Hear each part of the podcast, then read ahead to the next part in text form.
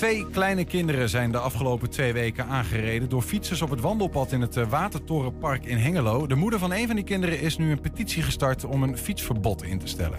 Afgelopen weekend was de eerste keer dat de leden van de herenboeren aan de S hun gewassen konden oogsten en ophalen. Op het menu dille, basilicum, rucola en sla. Het aantal bijensoorten daalt wereldwijd en dat vormt een regelrechte bedreiging voor de voedselproductie.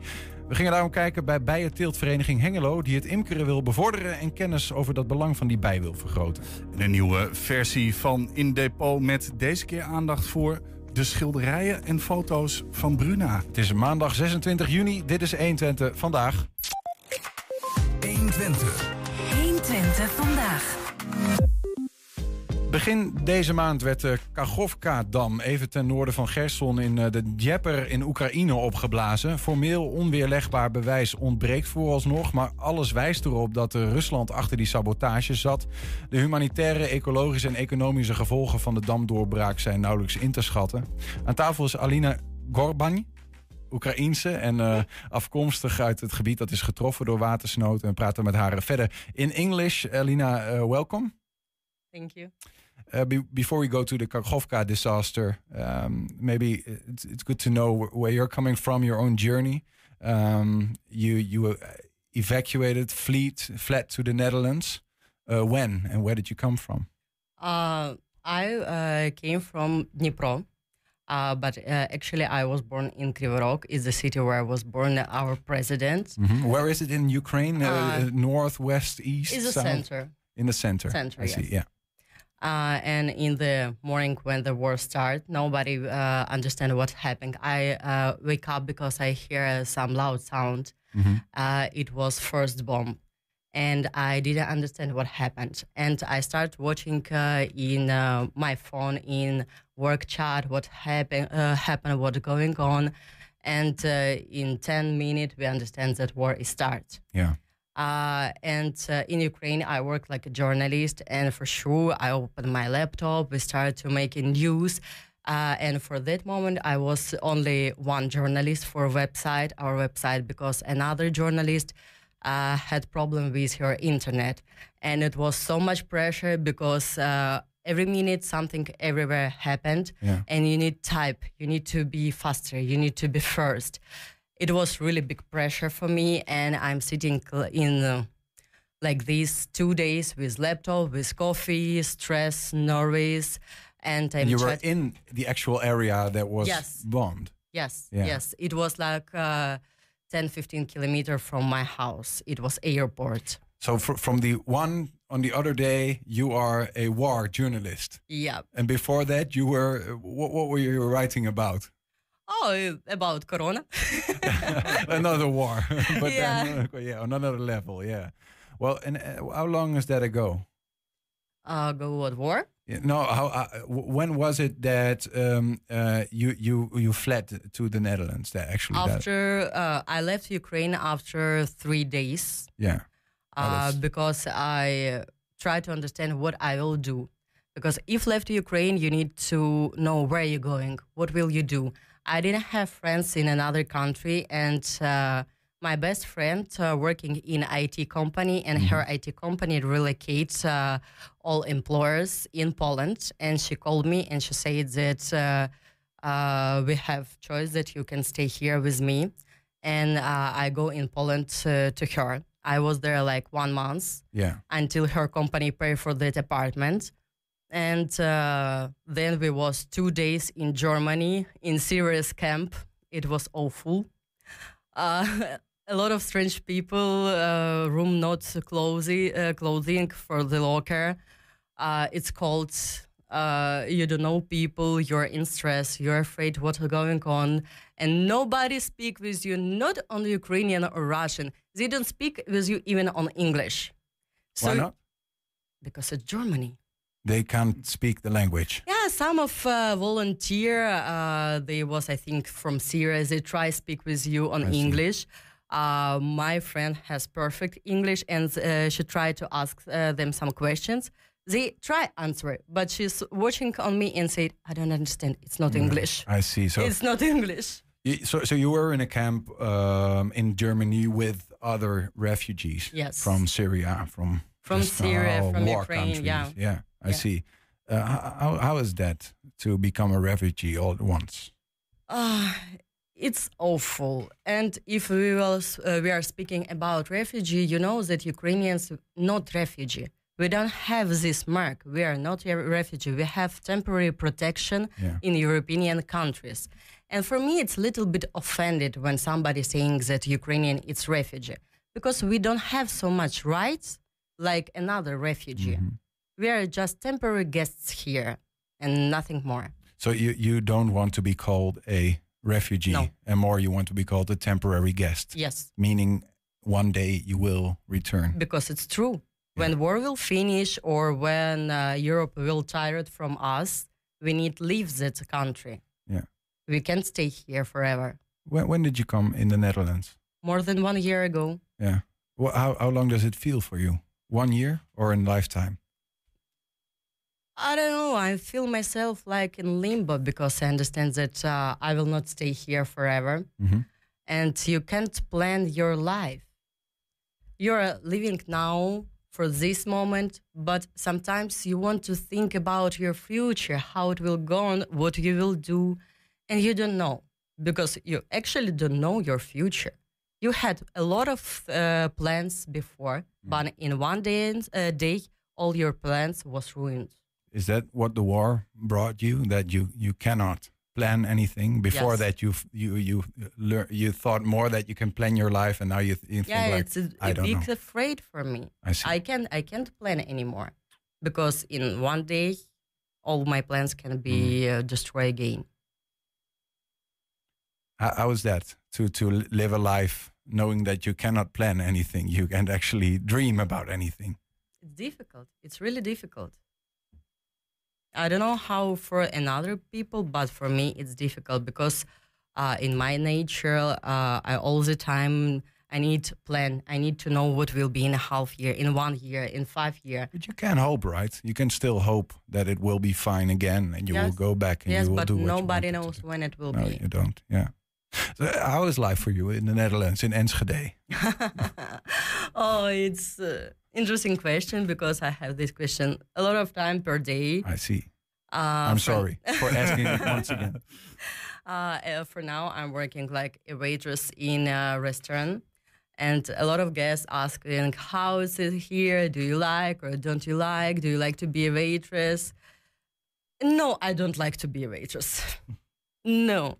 And uh, life in Netherlands, good. I really appreciate to this country how this country help Ukrainians, what uh, this country give to me, but I don't want to be. After all, you're still Ukrainian and you want to be there. I want back at home. I see, I, want yeah. my life back. I see.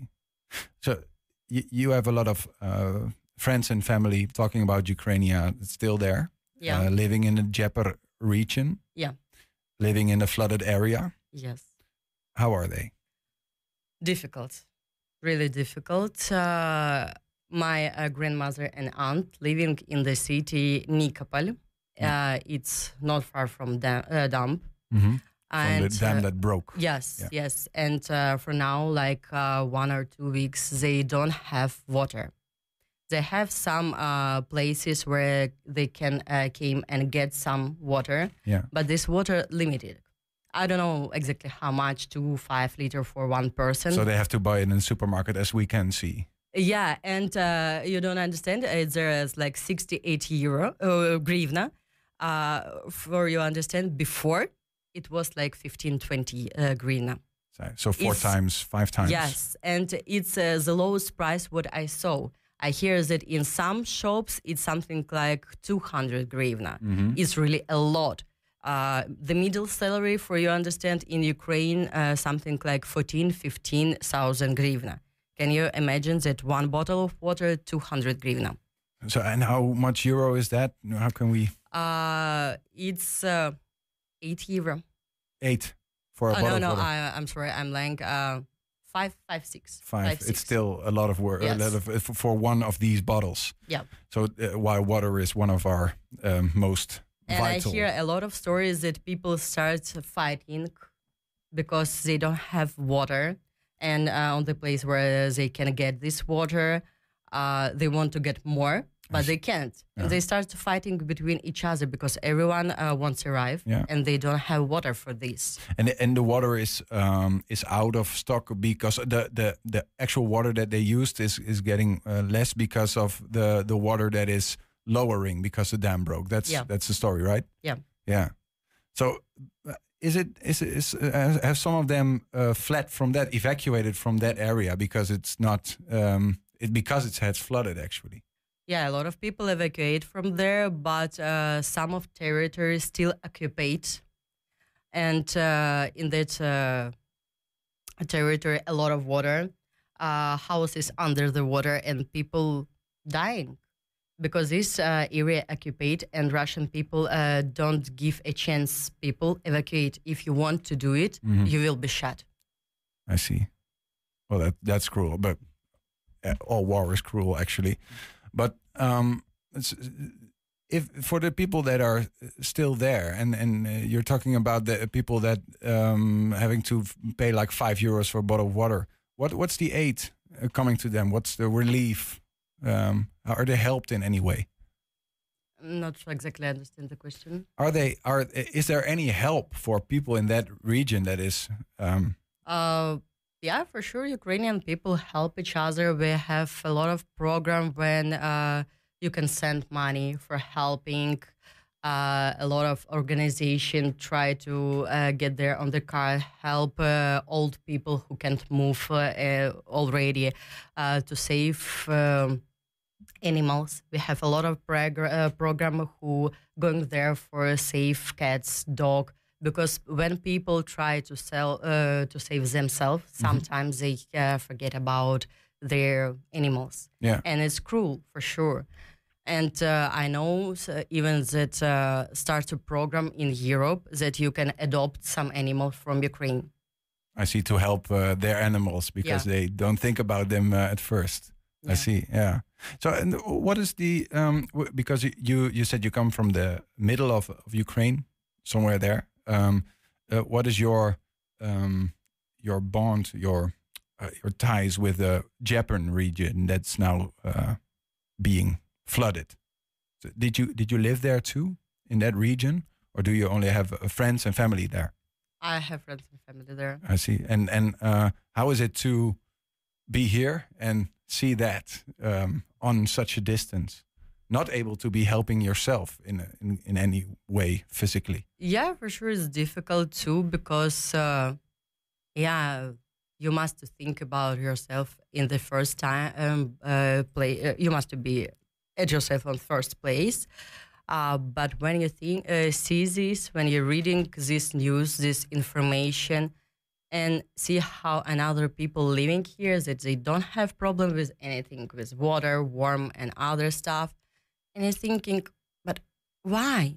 Why uh, Europe not helping so much how it, it was promised?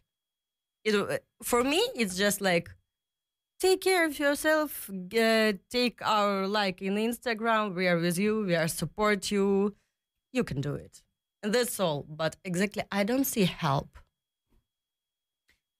How, what would you like to say to to to me, to the Dutch people, to the to the to the Europeans, to to make us aware of this problem still going on? Because I see it in myself. I see I'm I'm a Dutchman and I live here, and every day uh, war gets older. My mind gets farther away from what's happening there.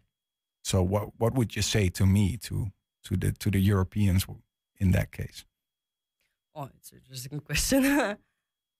um,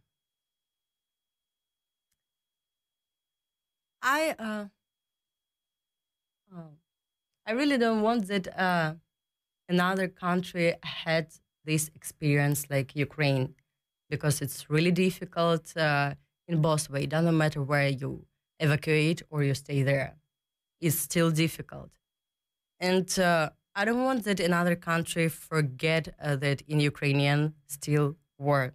I don't want that uh, they support Russian like it's continuous. I see because I see a lot of Russian prog- products in the shop. So it means that Europe, uh, in kind of way, support Russian, and you need to stop by it. You need to uh, help. Uh, I don't help. Maybe it's an, not right word.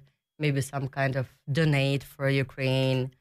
Uh, be more polite for Ukrainians because I know a lot of situation when um, Dutch person said uh, Ukrainian people that you're just a guest here and don't forget about it.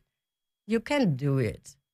We're it, yeah maybe for somebody we're just a refugee, but at first we are people. We are human like you and another. Yeah. and don't need forget about it.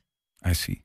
Um, um, to to make an ending to this conversation, uh, news uh, this weekend, of course, was uh, about the Wagner Group um, that uh, started a, like a riot in against the Russian uh, regime. Uh, how, how how does this um, this news live in in U- Ukraine? What, oh, what do it people was think about funny. it? Everybody watching this with popcorn and they expected they don't that believe it, it No, actually. no, they believed, and uh, uh, we believed uh, that it will continue, and uh, Putin will uh, get what he deserves. But it finished in one day. Yeah. So it wasn't wasn't really that kind of a riot. Yeah, but we was happy one day. One day, yeah, I see. Well, uh, thank you, Elena Gorbani. uh, I don't uh, want to say Ukrainian refugee, but just a Ukrainian guest here now, Thank and you. Uh, journalist. I hope for you that you can do journalism um, quickly again in Ukraine and not do the work that you do here. Actually, for now, it's good, but um, thank you so much for being here. Yeah, thank you for having me here. Zometeen twee kinderen zijn de afgelopen twee weken aangereden door fietsers op het wandelpad in het Watertorenpark in Hengelo. De moeder van een van deze kinderen is een petitie gestart om een fietsverbod in te stellen. 120. 120 vandaag. Ja, het aantal bijensoorten daalt wereldwijd en dat vormt een regelrechte bedreiging, voor de voedselproductie. Oorzaken zijn onder meer gebrek aan voedsel en gebruik van pesticiden. In Europa vormt ook de opmars van een invasieve exoot als de Aziatische hoornaar een bedreiging. Die heeft de bij als hapje op zijn menu staan. Wij namen een kijkje bij de Bijenteeltvereniging Hengelo, die het imkeren wil bevorderen en kennis over het belang van de bij wil vergroten.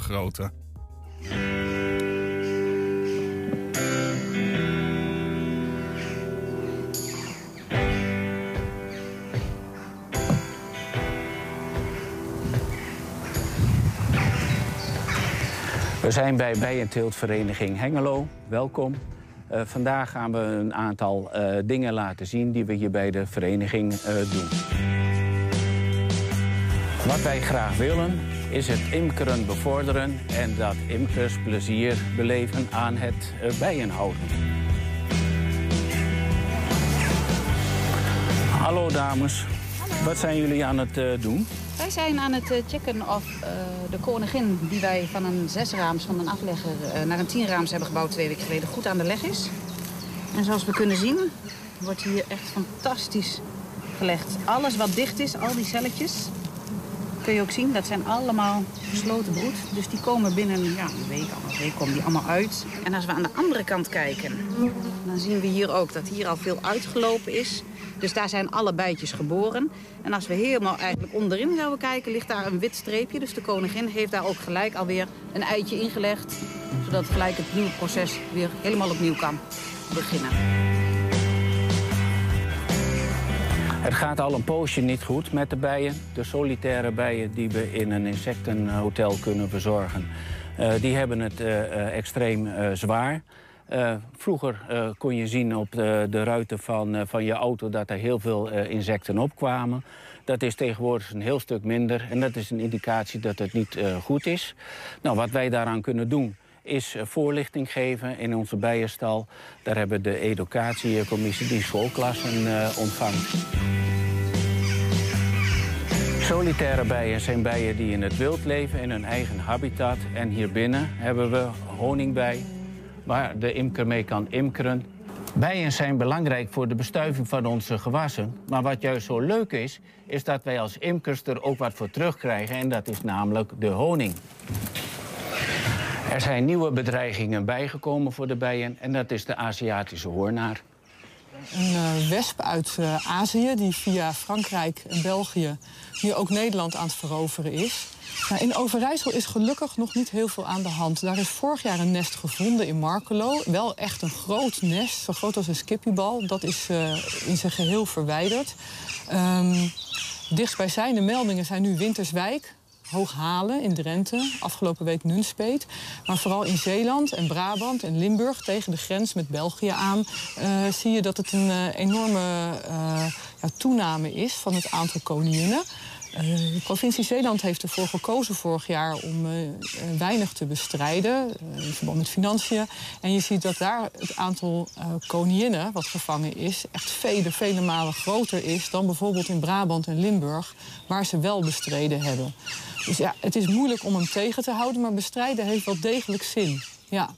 Als die hoornaar poot aan de grond krijgt, dan uh, is het een bedreiging voor de honingbij, maar ook voor alle bestuivende insecten. Dus niet alleen de honingbij, de solitaire bij, uh, zweefvliegen. En die heb je natuurlijk nodig om gewassen te bestuiven, onder andere. Dus uh, bijvoorbeeld de blauwe bessen worden door metselbijen bestoven. Uh, in het Westland wordt veel met hommels gewerkt om aardbeien en tomaten te uh, bestuiven. Ja, als die biodiversiteit die is al niet best in Nederland. Als er dan ook nog zo'n grote bedreiging bij komt, ja, dan kunnen we het wel shaken. Dan krijgen we toestanden dat je met de hand straks gewassen moet gaan uh, bestuiven met een kwastje.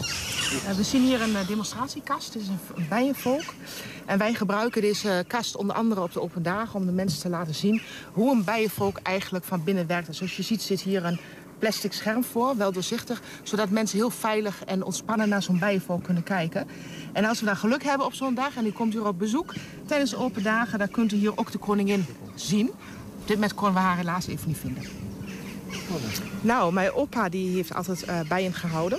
Um, en ik heb op 18-jarige leeftijd heb ik een allergische reactie gekregen. Heb ik van het ziekenhuis gelegen, dus ik dacht dat imker niet meer voor mij weggelegd was. U ziet ook dat ik helemaal in pak ben. En dat is de reden uh, dat ik weer kan imkeren. Dit is een nieuwe uitvinding.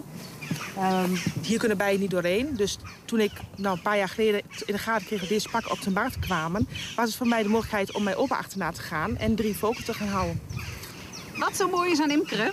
Uh, ja, eigenlijk alles. Het, het, het is een een organisme op zich, de hele kast. En uh, je bent ook één met een kast als je aan het imkeren bent. Uh, je werkt mee aan biodiversiteit. mijn passie is ontstaan uit zelf een moestuin hebben en fruitbomen. En ik ben op een gegeven moment een cursus gaan doen. Want ja, bijen horen daarbij. Letterlijk erbij. dus vandaar is mijn passie eigenlijk ontstaan voor de bijen. En ik ben ook daarna gewoon als praktijkbegeleidster uh, begonnen hier in de bijenvereniging. Om dus ook het enthousiasme door te geven aan de nieuwe cursisten. Uh, zodat er steeds meer imkers komen.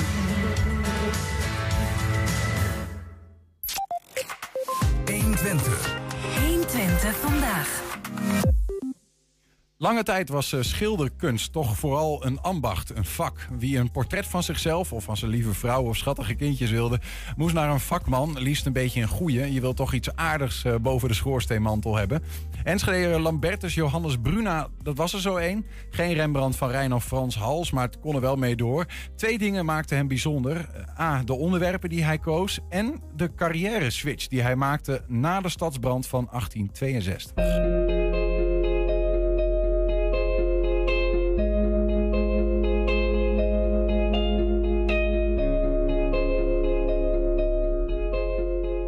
Edwin. Ja.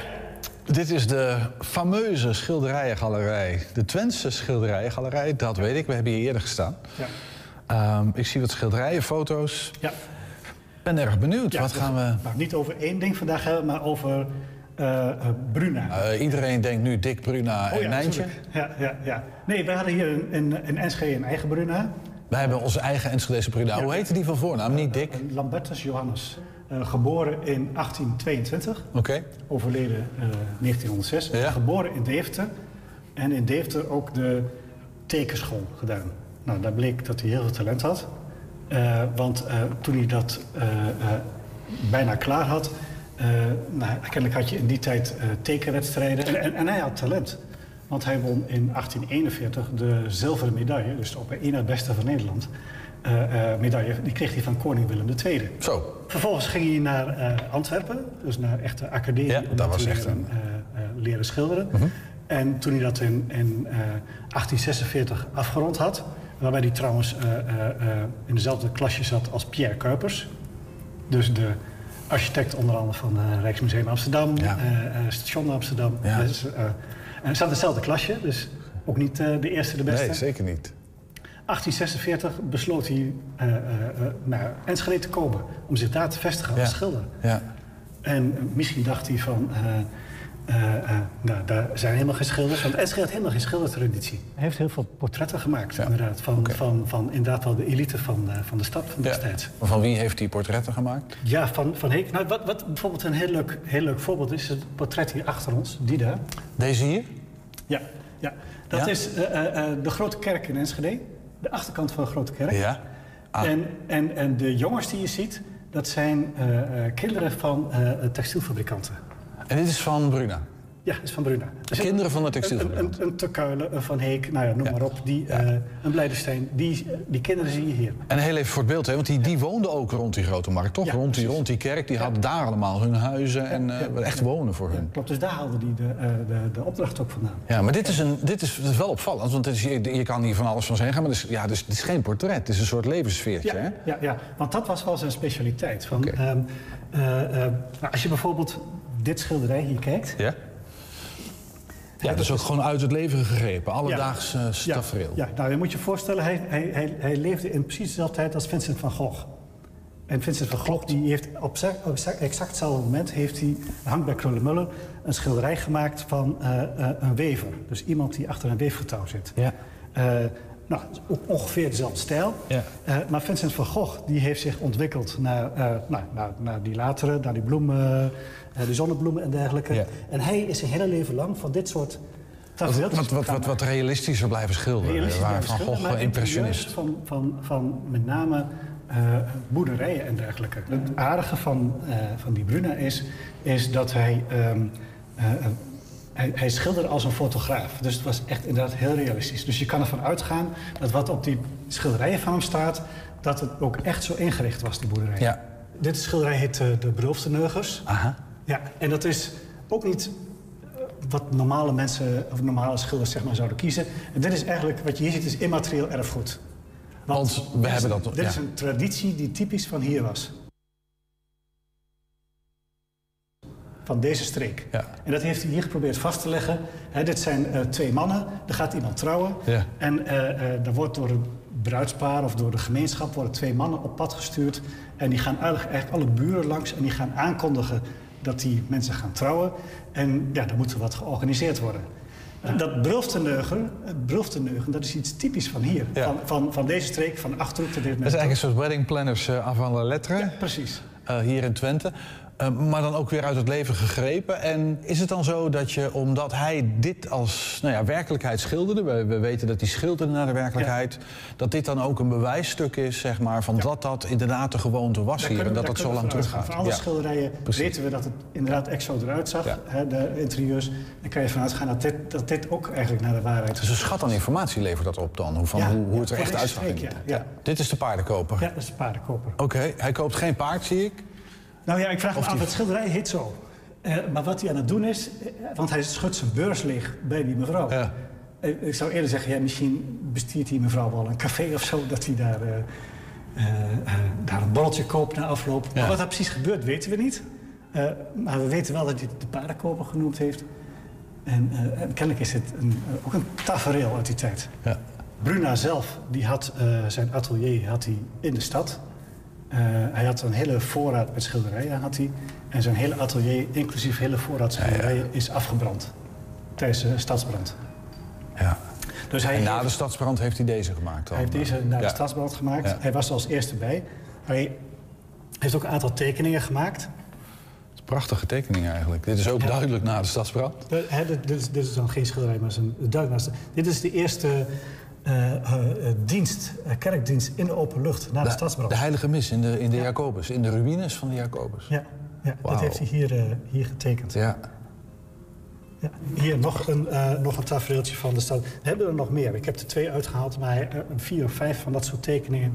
Van na de stadsbrand, Van na de stadsbrand, van de, centrum... van, de, bij- van de ruïnes eigenlijk. Ja. En hij heeft zich eh, eh, na het schilderen, Ja. na 1862, met een nieuw atelier... heeft hij zich op de fotografie gestort. Ja, ja, ja, ja, ja. Dus hij heeft een eigen fotocamera gebouwd. Eh, eh, dit is niet Bruna hoor, dit is eh Brussen. Maar dit is de camera die hij destijds zelf gebouwd heeft. En daar ging hij mee fotograferen. Hij was dus de allereerste fotograaf van Twente. En eh, gewoon in opdracht. Dit zijn, twee, dit zijn twee foto's die hij gemaakt heeft. Even kijken hoor. Ja. Dit is, van is dit een postbode? Postbode Reiso Ja. staat op de achterkant. Oh, dat heb ik nog niet gezien. Ja. Dus mensen gingen naar hem toe. Ja. Eigenlijk zoals met schilderen. Alleen dit ging wat sneller waarschijnlijk. Ja. En lieten zich fotograferen. Liet Ook prachtig ja. natuurlijk. Hè? Dit is de is directeur van Schouwburg en dit is postbode Reiso. Nou, dat zijn twee voorbeelden die wij, eh, eh, van foto's die hij gemaakt heeft. Ja. En hij, eh, eh, hij, bleef nog wel, hij bleef nog wel schilderen, eh, eh, maar wel op een andere stijl. Dit schilderij wat je hier ziet, Deze. dit is geen schilderij, maar dat is een pasteltekening. Ja. Er zit een soort mat, mat eh, ding zit ervoor. Dit is met krijt. Hij heeft een, een negatief heeft hij heel zwak afgedrukt, heel groot opgeblazen... en dat heeft hij ingetekend met krijt. En dit is ook ter bescherming. Eh, Als je het eraf zou halen, dan trek je dat krijt er allemaal af. Dit is zijn nichtje trouwens.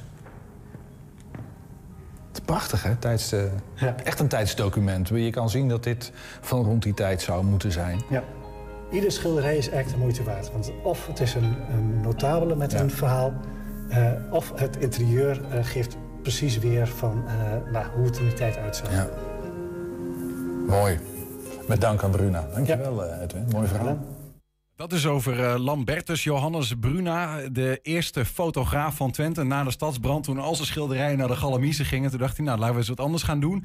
Ehm, eh, nou ja, bij ons niet, niet een fotograaf uit die tijd, maar wel degene die nog steeds in Enschede diezelfde technieken gebruikt. Een fotograaf Engelbert Visser, welkom. Dankjewel. Eh, Leuk om hier te zijn. Ja, in die zin, eh, Bruna was de eerste fotograaf eh, van Twente. Jij doet dat nog steeds op die manier. In die zin een beetje met elkaar verbonden. Kende jij hem? Nee, ik, ik moet je eerlijk zeggen, ik heb me op ingelezen en het was wel een bijzondere man. Met name ook omdat hij dus meerdere technieken in zijn, in zijn arsenaal had. Het was een tekenleraar, een tekenaar, een schilder en een fotograaf. Die man heeft een ontwikkeling doorgemaakt die eigenlijk fenomenaal is. Als je ziet wat hij gedaan heeft in de jaren dat hij het gedaan heeft. Hij stond aan de beginjaren van deze zilverfotografie. Heeft hij het opgepakt, zijn eigen camera gebouwd. Fantastisch. Ook fantastisch om de beelden te zien. Het is gewoon eh ja, Ja. ouderwets vak. Ja. Ja, hij, hij lijkt een beetje de een soort van drang te hebben om dingen vast te willen leggen in het moment. Eerder met een schilderij. Wat ik al heel knap vind. Als je bijvoorbeeld een, een spelende kinder in een schilderij wil vastleggen zonder dat je er een foto van hebt. Hoe doe je dat dan überhaupt? Ja. En later met foto's. Ehm, snap jij dat? Zo'n drijfveer? Oh, mijn leven is die drijfveer. Dat, dat, dat vasthouden van het moment. Dat is het mooiste wat je kunt doen in mijn vak. En juist doordat momenten allemaal zo vluchtig zijn. Ons leven wordt steeds, steeds vluchtiger. Mensen kijken op de telefoon, ze zijn niet bezig met het verkeer. En ze zijn het moment kwijt. Om juist dit soort momenten vast te houden. En dat is het mooie van zijn manier van fotograferen, maar ook het schilderen. Hij heeft echt die oude stijl. Hij maakt echt van die stijlportretten met perfect licht, personen goed uitgelicht. Tot in de perfectie is het allemaal goed. En daar hou ik van. Je ziet gewoon het vakmanschap in elk beeld. Jij doet het nog steeds eh, op die manier. Tenminste, je hebt al hier een plaatje meegenomen, niet van jouzelf, maar heel erg vergelijkbaar met wat we al zagen. Ja, ik heb hier een. eh, ja, dit is heel vergelijkbaar met wat hij gemaakt heeft. Dit is een foto op barietpapier. Hij werkte dus ook in die tijd met glasnegatieven.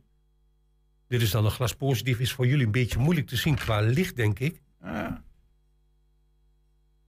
Ik weet niet, kun je het een beetje duidelijk krijgen zo? Ja, dat zien we wel ongeveer. Oké. Maar misschien als, mag ik hem eens hebben? Want ik denk als ik hem Alsjeblieft. licht voor mij, als ik hem zo laat zien, dan, dan kun je wel ongeveer er doorheen kijken. Hè?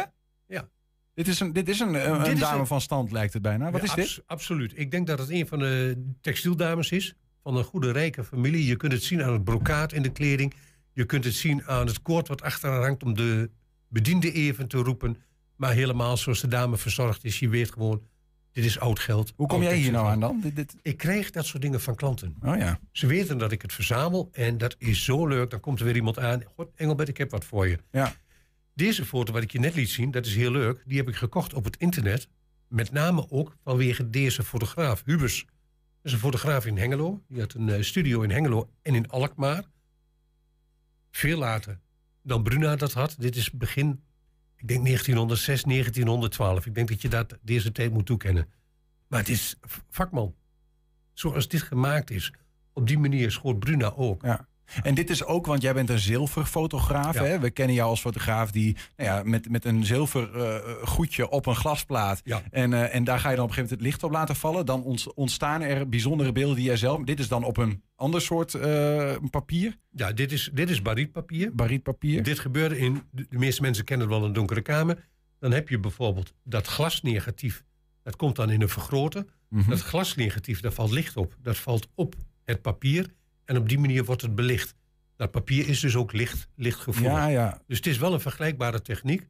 Waar Zo zal Bruna ook die foto hebben gemaakt, die, waarschijnlijk. met name die, die kaarten de visite, die zijn allemaal zo gemaakt. Maar hij zal ook gewoon op glas hebben geschoten. Want anders had hij geen platencamera nodig. Ja, ja. En hij heeft zichzelf die platencamera gebouwd. En ik kan je vertellen, dat is niet niks. Allereerst in die tijd, hoe kom je aan de goede lenzen? Hoe kreeg je het allemaal licht? Het is een behoorlijke, een behoorlijke geweest in die tijd. Ja, Ja, ja, ja. Je, je hebt zelf jouw eigen camera niet zelf gebouwd. Nee. ik moet je eerlijk zeggen, ik heb een camera uit 1903, dat is al oud. En sinds kort heb ik een camera bij van Steno Peka. Die is speciaal voor mij gemaakt. Dat is de eerste in zijn soort. En dat is gewoon een genot om mee te werken met een oud ambachtelijk gemaakte camera. Eh, je hebt wat foto's meegenomen Ja. die je zelf maakt. Laat, laat eens wat zien. eh, hoe, zullen we zien hoe dat nu in deze tijd. Oh, we hebben er eentje. Dit is wel leuk om even te laten zien op digitaal eerst dan misschien. Ehm, dit is een bekend persoon die je onlangs op bezoek had. Dat is, eh, ja. ja. We hebben meerdere bekende personen, maar dit is een persoon die heel veel mensen kennen. Dit is Wout Brama van FC Twente. Dit is ons dankjewel naar hem toe. eh, voor wat hij gedaan heeft voor de club. Niet alleen voetbaltechnisch, maar ook als mens is dit een gewoon buitengewoon aangenaam mens om bij te zijn. En om meer te praten ook over voetbal. En ik moet je eerlijk zeggen, het is een schat van een kerel en het is een waanzinnig mooi portret. Wa- wa- Wat maakt nou, want jij doet dat niet voor niks. Hè? Je hebt een liefde voor dit soort fotografie, zoals ook Bruna dat, dat deed. Toen was het min of meer door, door de tijdsgeest gedreven, omdat er gewoon niet veel anders was. Klopt. Jij, jij doet het nu. Wat, waarom? Nou, wat wij nu merken is, en die tijd is een beetje aan het veranderen. Men gaat terug, kinderen van een jaar of 18, 24, die kopen nu ouderwetse analoge camera's. Die kopen filmmateriaal. Men wil een beetje af van het vluchtige. En wat is nog leuker om daarvan af te stappen, om dat te doen met een techniek die in 1851 bedacht is. Nou, die foto's in zilver die hebben dus allemaal een heel bijzonder effect. Die stellen scherp op de ogen. Het hele beeld heeft een voordracht qua scherpte, qua beperking op scherpte. Want als je hier ook bijvoorbeeld naar de oren kijkt, en dan zie je bij Wout Brama heel erg mooi. Je ziet gewoon de ogen, de neus en de mond te scherp en de rest van het beeld is helemaal onscherp. Daardoor komt dat echt goed naar voren. Juist. Je wilt dat naar voren brengen, daar waar het om gaat. In de Ja. ogen zie je het karakter en de ziel van de mensen. En dat is bij, bij volwassenen zo, maar natuurlijk ook bij, en ik zal er eens even in laten zien. Bij kids is dat ook het geval. Hier heb ik bijvoorbeeld een meisje meegenomen. Die verbazing in die blik, dat oprechte wat erin zit, dat pure wat erin zit, die onschuld in de ogen en die blik zo van verwachting. Maak je wel een mooie foto van mee? Ja. Dat zit er allemaal in. Ja, op de achtergrond hebben we ook een foto. Dat is eigenlijk bijna hetzelfde, volgens mij gaande. Ja, ja. Dat is, dat is, maar dit is low-key gefotografeerd. Ik moet je even deze laten zien. Dat is een foto die is high-key gefotografeerd. Dan gaat het om de lichte tonen. Mhm. En ik ben nu op dit moment bezig met hele series met low-key. Dus dat zijn donkerder, zwaardere beelden dan dat. Ja, precies. Want het heeft wel een ander karakter inderdaad. Ja. Maar ook weer een prachtige, prachtige foto. Veel karakter Cool, zit erin. Je hebt eh, nog iemand voor de camera gehad ooit. En daar hebben we een video eh, van. Om even te laten zien hoe dat eigenlijk werkt. Laten we eens even kijken. Eerst het licht instellen op jouw ogen, zodat ik je ogen goed scherp heb, dat ik een mooi contrast heb. Als we dit hebben gedaan en je hebt je houding gevonden die prettig is ook voor de camera, dan gaan we naar beneden, dan gaan we een gevoelige plaat maken. We gaan daar een plaat, in dit geval een aluminiumplaat met een zwarte, eh, zwarte opdruk, zeg maar. Die gaan we lichtgevoelig maken door een stof op te brengen die heet collodium. Als die stof opgebracht is en hij is mooi gelijkmatig verdeeld, dan brengen we hem in een zilvernitraatbad. Op dat moment wordt die plaat dus licht, lichtgevoelig. Dat duurt drie minuten. Dan gaat hij eruit in de donkere kamer, onder het gemak van een klein rood lampje. Dan gaat hij in de cassette en dan kunnen we de feitelijke foto gaan maken. Nou, blijf je kijken. Dan gaan we tellen. 1, 2, 3, 4. Paf. Nou ga ik de lens aan de binnenkant weer afdekken door middel van de eerste schuif. En dan hebben we hier de foto, die gaan we nu ontwikkelen. Dan gaat de plaat eruit. Dan hebben we hier de ontwikkelaar klaarstaan.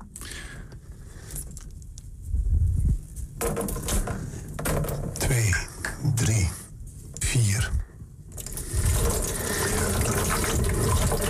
Nu door het gieten van dit water is dit proces onderbroken. Dus hij is niet meer lichtgevoelig. Dan hebben we hier de foto in zijn elementaire vorm. En nu is het proces, nu krijg je dat omkeren van de foto door middel van de chemie. Dit is een magisch proces. Ik vind dit, elke keer is dit een feestje als je hier naar mag kijken. Wauw. Een echte foto, Niels? Nee. Een echte.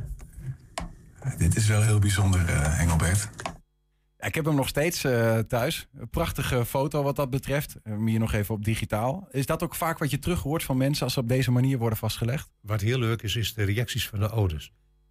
Als die foto zoals wat je net zag in het fixeer komt en hij draait om van een negatief beeld naar een positief beeld, dan staan we voor een grote spiegel en dan hou ik altijd met één oog, misschien ook wel met twee ogen, ja. de ouders in de gaten van hoe is die reactie. Die reactie van die kinderen is onbetaalbaar, maar als ik soms de moeders en ook de vaders zie met tranen in de ogen, dan denk ik van ja, ik heb toch wat geraakt.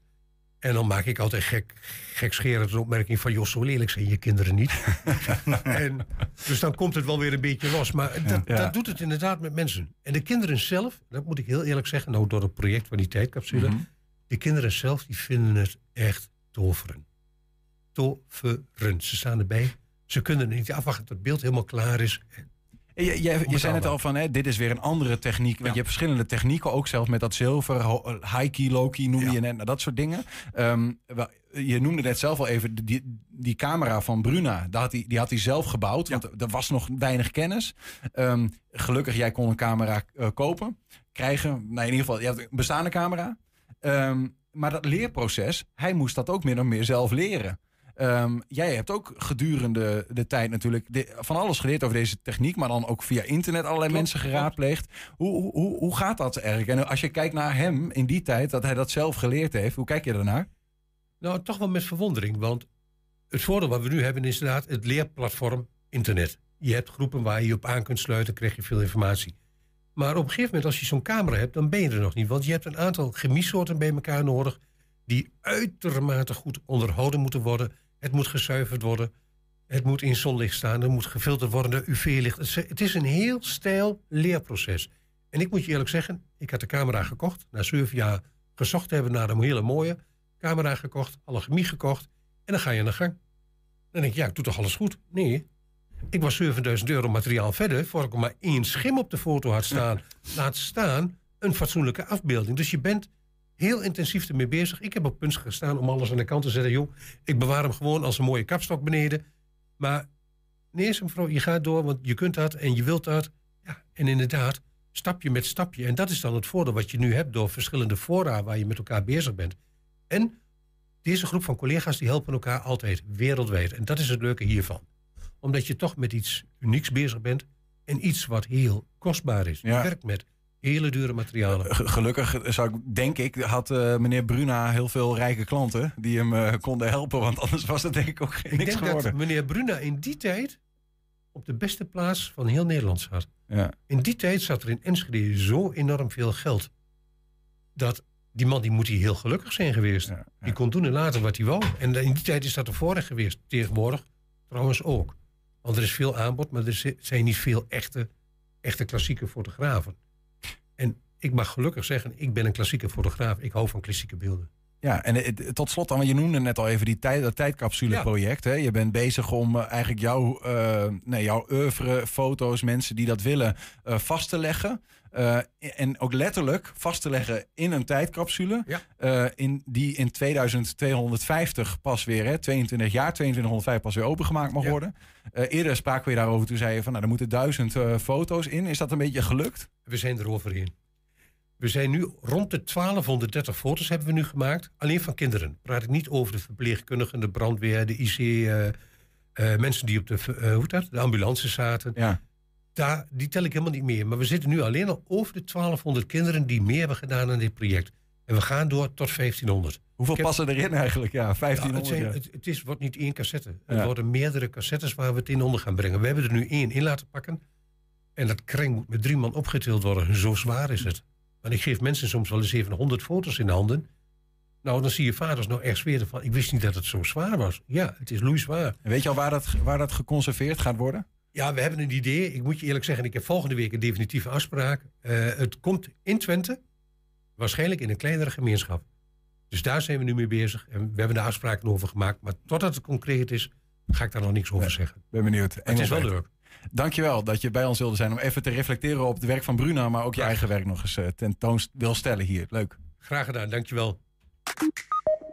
We zijn ook als podcast te beluisteren. Dat kan via alle bekende platforms. Je vindt daar 120 vandaag, de hele uitzendingen. En op 120 vandaag uitgelicht vind je iedere dag een item uitgelicht.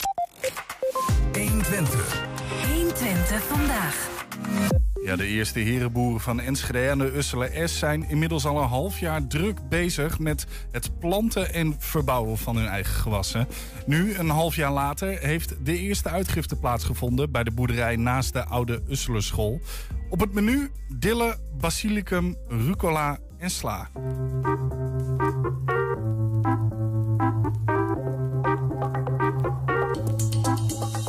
Natuurlijk al een tijd begonnen met eh Herenboeren Twente. eh, al lang op zoek geweest naar grond. En eh, het was heel fijn dat we toen deze grond kunnen pachten van, van, van de gemeente. We gaan ervoor heel veel werk te doen. maar ook een hele sterk gevoel van gemeenschap al, community... om dit samen met elkaar te gaan doen. Ik ben samen met mijn man, met Itse, ben ik opstartboer. Dus dat betekent dat we op een locatie eh, de, de start doen van de boerderij. En wij zijn al zo oud en hebben al zoveel ervaring... dat we dan zo snel mogelijk proberen om een jongere collega in te werken... die het dan overneemt. En eigenlijk zouden we naar Groningen. Maar daar kwamen ze in december erachter dat eh, de grond niet gelukt was. Dus de groep was er al wel, maar de grond niet. En tegelijkertijd gebeurde het hier andersom. De groep was nog niet compleet. En in één keer konden ze op de S terecht. Dus toen kreeg ik van eh, de HR-medewerker van Herenboeren Nederland te horen... van goh, Groningen wordt niks, maar ja, in Twente kun je wel terecht. Wil jij naar Twente? En toen keken wij elkaar aan. Toen zeiden we van, nou, dan willen we ze eerst een keer ontmoeten... Nou ja, en dat hebben we gedaan volgens mij 16 december op een avond. En het was meteen zo gezellig. Ik denk, ja, dit moet ik doen.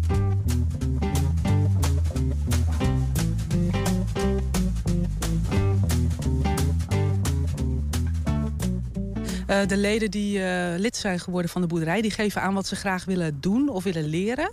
En er is dus een hele grote groep die heeft aangegeven van... nou ja, wij willen graag oogsten. Ik doe het eigenlijk altijd even voor. Dus ik, we halen het doek eraf. Dan vertel ik welk gewas hier staat. Bijvoorbeeld de wilde rucola. Eh, dan laat ik zien hoe je dat oogst. Hoe je je mesje moet houden. En dan doen ze het allemaal na. En dan geef ik nog een tip. En dan gaat het gewoon. Begin dit jaar ben ik eh, gestart bij de werkgroep eh, ICT. Dus eh, ik ben verantwoordelijk met een aantal andere boeren voor de IT, voor de, het internet, voor de radio, et cetera. Maar ja, als je hier op de boerderij loopt, dan wil je natuurlijk ook andere dingen doen. Dus ik ben wekelijks op de tractor te vinden op dit moment. Bewateren van de landen, een beetje klussen, een beetje harken en eh, ja, alles wat er, eh, wat er te sprake komt. Het is heel erg leuk om te zien ho- hoe leden erop reageren. Maar ook omdat bijna alle leden ook een taak hebben op de boerderij. Dus misschien niet op het land, maar wel in het bestuur of in de communicatie. Of in, in alle techniek die daarachter zit. Hè. Een hele ICT-groep hebben we en zo. Die komen ook hun pakket halen. En, en eigenlijk draagt iedereen een steentje bij. Al is het dan niet op het land, dan wel op een andere plek. Dus het is echt hun boerderij. En ze halen nu hun eerste oogst op van hun eigen boerderij. En dat merk je heel erg. Dat vind ik echt superleuk om te zien. Als het goed is, eh, komt er een ruiltafel. Ik weet niet of die er vandaag al is. En als je zegt, eh, ik vind dat niet lekker, dan eh, heb je de mogelijkheid om dat te ruilen. Maar in principe ehm, willen we gewoon dat iedereen vanaf het, eh, ehm, eh, met de seizoenen mee eet. En we hebben ook een kookgroep die ook actieve recepten deelt met de leden. Dus dat je op, ook met nieuwe dingen kennis maakt, nieuwe bereidingswijzen. En zo eet eh, wat, eh, wat de pot schaft. Sla, eh, basilicum geloof ik, raapstelen. Dus eh, nou, we, we krijgen de buik wel vol vanavond. Ja, er waren dus ongeveer 100 mensen die eh, de eerste uitgifte bij de herenboeren aan de Usselen S hebben meegemaakt. Was ongelooflijk leuk om even bij te zijn, zo vroeg in de morgen. De eerste van Twente, hè? Klopt, Die is, correct, correct. opgezet, correct. Heb je een tip voor de redactie? Mail dat dan eventjes naar redactie.120.nl 120. 120 vandaag. Twee kleine kinderen zijn de afgelopen twee weken aangereden door eh, fietsers op het wandelpad in het Watertorenpark in Hengelo. Beide kinderen zijn daarbij vrij ernstig gewond geraakt. De moeder van een van die kinderen, Mandy Putman, is een eh, petitie gestart die de gemeente vraagt een fietsverbod in te stellen voor dat park. En Mandy is bij ons. Goedemiddag. Hi. Eh, vanmorgen waren we even in het Watertorenpark en daar heb je ons laten zien wat daar precies gebeurd is. Nou, ik zat dus daar op dat bankje ehm, met een ouder te praten die ook hier nog zat toevallig. En mijn kinderen waren hier in het water aan het spelen. Dat is gewoon een heel leuke plek voor die kinderen natuurlijk. Om daar een beetje pootje te baden, omdat het gewoon heel ondiep is. Ik moest toen heel even mijn oudste dochter helpen met wat spulletjes ehm, in de tas te doen. En toen keek ik op en toen was mijn dochter in één keer weg. En toen bleek zij bij de BSO, bij het hek daar, even hoi te hebben gezegd tegen haar juf van de BSO. En op het moment dat ik daarheen loop, begon zij te huilen. En toen ben ik er natuurlijk een heel stuk sneller naartoe gerend. Ja, toen zaten hier ontzettend veel mensen ehm, van een vereniging. En daar lag een fiets op de grond en mijn dochter lag op de grond. Iemand was haar omhoog aan het helpen. Uiteindelijk riep ik haar en toen kwam ze naar me toe. Toen zag ik dat ze heel veel wonden had. En toen is mijn ja, eigenlijk EHBO-brein aangegaan. We moeten dit zo snel mogelijk schoonmaken. En toen heb ik meteen de huisarts gebeld. En die wou haar zo snel mogelijk zien. Ja, dat was dus, eh, nou ja, wat is het nu dan, ruim twee weken terug? Ja, het was de 14e uit mijn hoofd. Dus dat Ja. is ehm, bijna, twee, dagen. Ja, bijna twee weken terug. Ehm, eh, je hebt dat dus zelf niet zien gebeuren. Nee, Eh, Overigens, veroorzaker van die aanrijding was ook weg. Eh, nou, ik heb haar nog wel gezien. Dus als ik haar zou zien op straat, dan zou ik haar wel herkennen. Maar ik heb geen idee wie het Die is. had niet het idee dat ze, nou ja, dat ze dit had veroorzaakt. Of, Jawel, Oh. want dat was gewoon geen twijfel over mogelijk. Want mijn kind heeft niet zomaar in één keer overal schrammen. Nee. En ook niet zomaar in één keer overal bloed. En, Maar heb je een idee hoe dat gebeurt? Want je zag het niet Eh, gebeuren. nee, maar ik kan er wel een, een inschatting van maken. Want er, stond, er zat dus in een soort van kring... zat er een vereniging ehm, ja, met elkaar iets te doen. Ja. En ehm, aan die kant van de weg, aan de rechterkant van de weg, ehm, was dat. En misschien dat ze daardoor afgeleid raakte... en dat ze mijn dochter, die van de linkerkant van de weg... vanuit de ingang van school eigenlijk niet heeft zien rennen. En ja, die zijn gewoon tegen elkaar opgepotst. En ehm, ja, daardoor is zij dus zeg maar inderdaad verwond geraakt. Ja. En eh, volgens de fietser zei ze, ik ben geschrokken en daarom gevallen en ik heb haar niet geraakt en ik wil naar huis. En toen ging ze er vandoor. En, ehm, Dat, de- jouw dochter zou zijn geschrokken en toen gevallen. nee, de fietser. Ze zei, ik ben geschrokken en toen viel ik en ik heb haar niet geraakt en ik ga weg nu.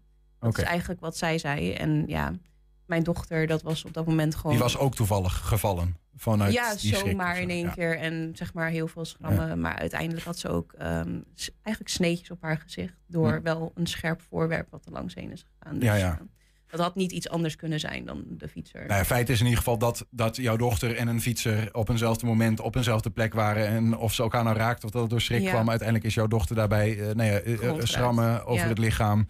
Meer dan dat? Eh, nou ja, ze had inderdaad eh, schaafwonden en eh, bloed. En ze had uiteindelijk ook kneuzingen en een hersenschudding. Hm. Dus ehm, ja, dat was niet, Nee. niet prettig. Nee. Nee. dat kan ik me voorstellen. Ja. Dus, en uiteindelijk ehm, bij de huisarts ehm, in de praktijk viel ze ook wel eens weg. Eh, de bewustzijn, zeg maar. Dus toen, toen viel ze echt gewoon weg, omdat ze ook, ik weet niet waarvan precies, maar ehm, uiteindelijk toen zeiden ze van, ja, omdat het een hu- hersenschudding kan zijn en omdat ze zo jong is en we niet heel erg veel ehm, wijzer hier worden, willen we graag dat je even naar de eerste hulp eh, in het ziekenhuis in Almelo gaat. En eh, toen moest ik dus daarheen met haar. En eh, uiteindelijk hebben ze wel de advies gegeven om haar gewoon één keer in de zoveel tijd te wekken. Wat gewoon heel standaard is bij een hersenschudding. Ja. Maar ja, Ja. het is niet iets wat je zeg maar wil. En, en eh, psychisch, zeg maar? Ja, psychisch merk ik wel dat zij eh, het wat enger vindt daar nu. eh, om, en dat het ook met oversteken enger vindt allemaal. Dat ze verkeer wat langs haar heen komt ook enger vindt. Dus ze is wel, ja, ze is er behoorlijk goed van geschrokken. En ehm, ja, dat, dat, ja, Moet ik nog eh, de vraag nog stellen waarom jij vindt dat fietsers daar eigenlijk niet zouden moeten mogen fietsen? Of, eh, Ehm, nou, het, het- ja, je kunt bijvoorbeeld zeggen van je had beter moeten opletten. Of de kinderen hadden zeg maar beter moeten links en rechts kijken. Maar ja, het, het is gewoon daar op school.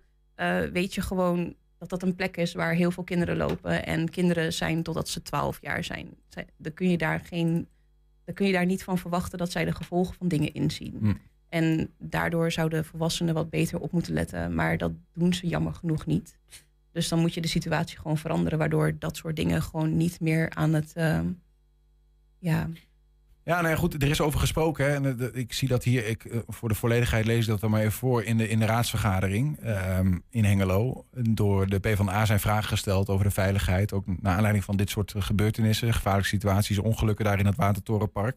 En de, de wethouder antwoordde op die vragen van eh, de situatie is bekend en wordt continu gemonitord. En ze zegt ook het afsluiten van het park open karakter wordt aangetast. ja. Wat vind je daarvan? Nou, ik vind zeg maar, ja.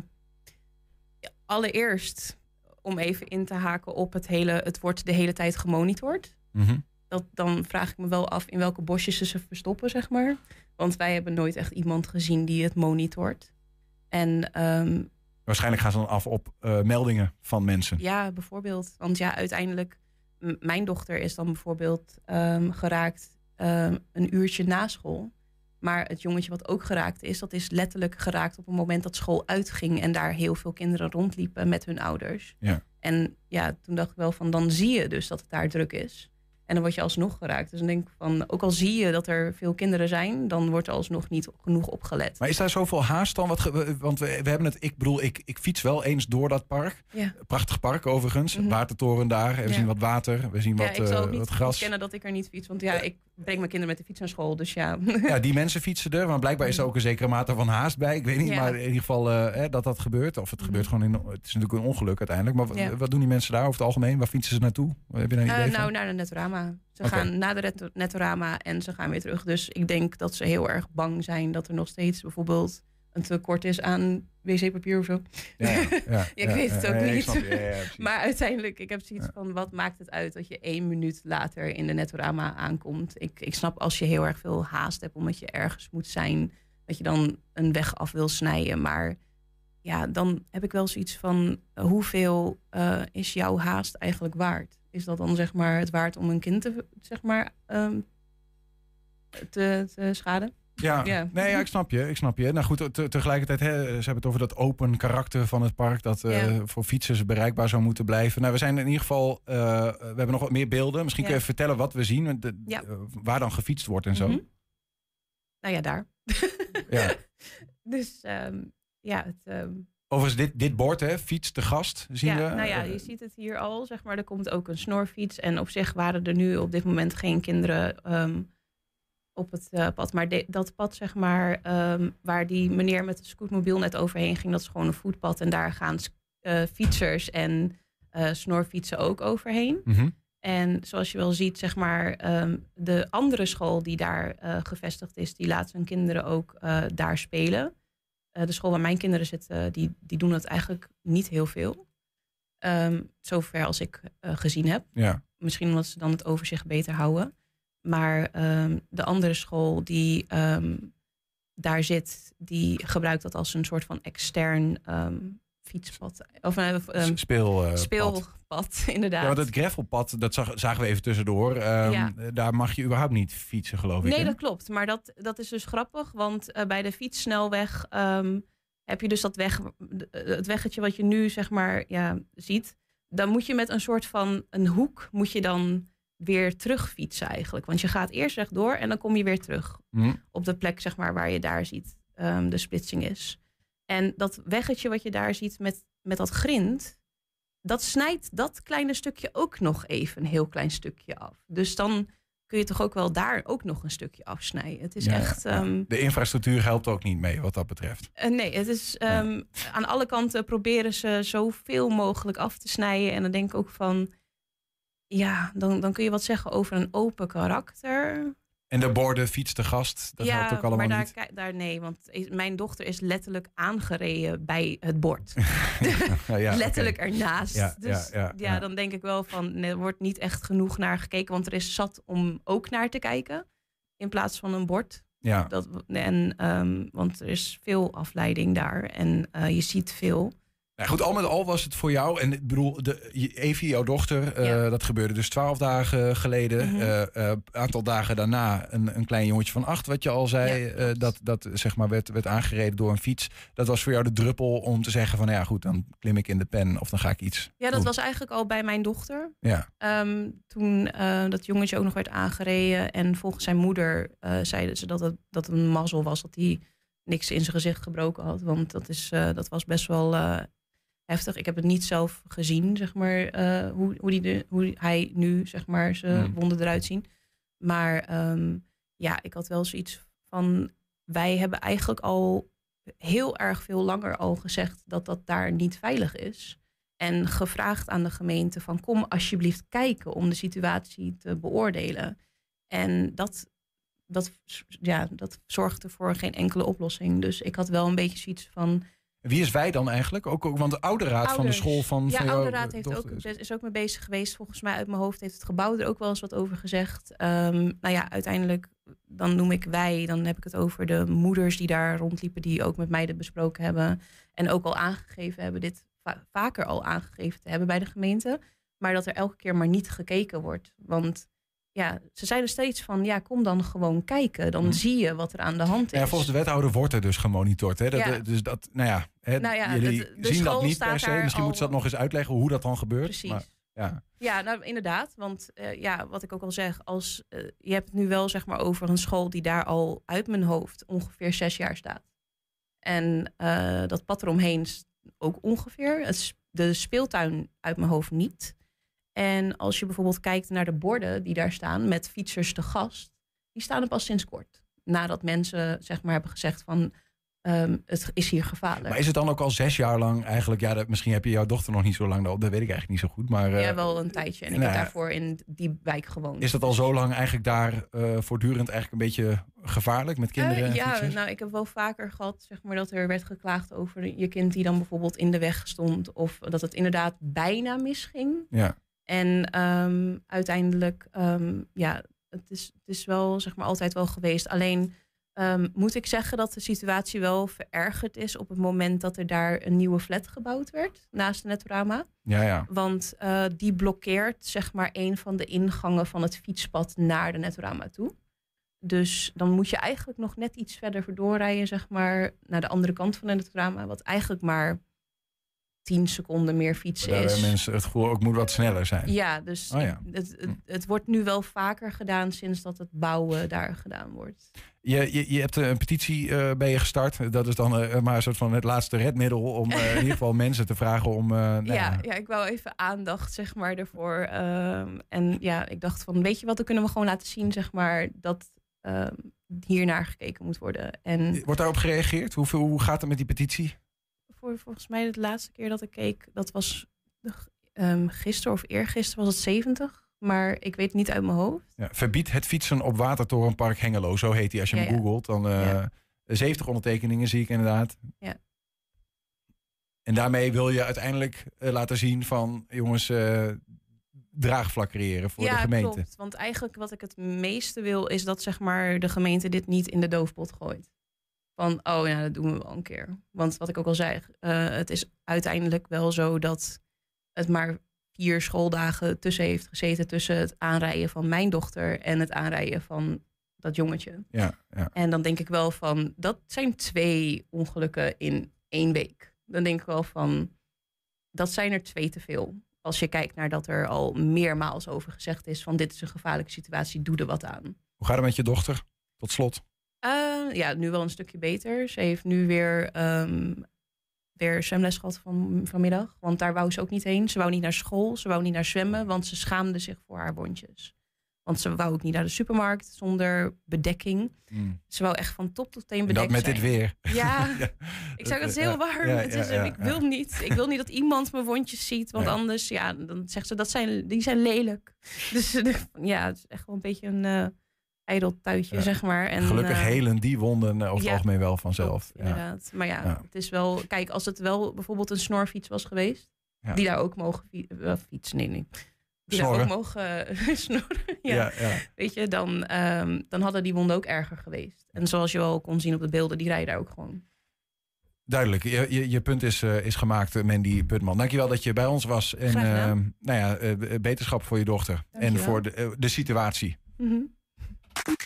Daarmee zijn we ook aan het einde gekomen van 120 vandaag. Terugkijken, dat kan direct via 120.nl. Vanavond 8 en 10 zijn wij ook op televisie te zien. Zometeen op de radio Henk Ketting en de Kettingreactie. Wij zeggen veel plezier en tot morgen. 120. Weet wat er speelt in Twente. Met nu het nieuws van 5 uur. Goedemiddag, ik ben René Postma. We moeten in 2030 7 of 8 cent per kilometer betalen als rekeningrijder wordt ingevoerd. Helemaal zeker is het nog niet. Het definitieve besluit wordt later dit jaar genomen. Hoe de gereden kilometers worden geregistreerd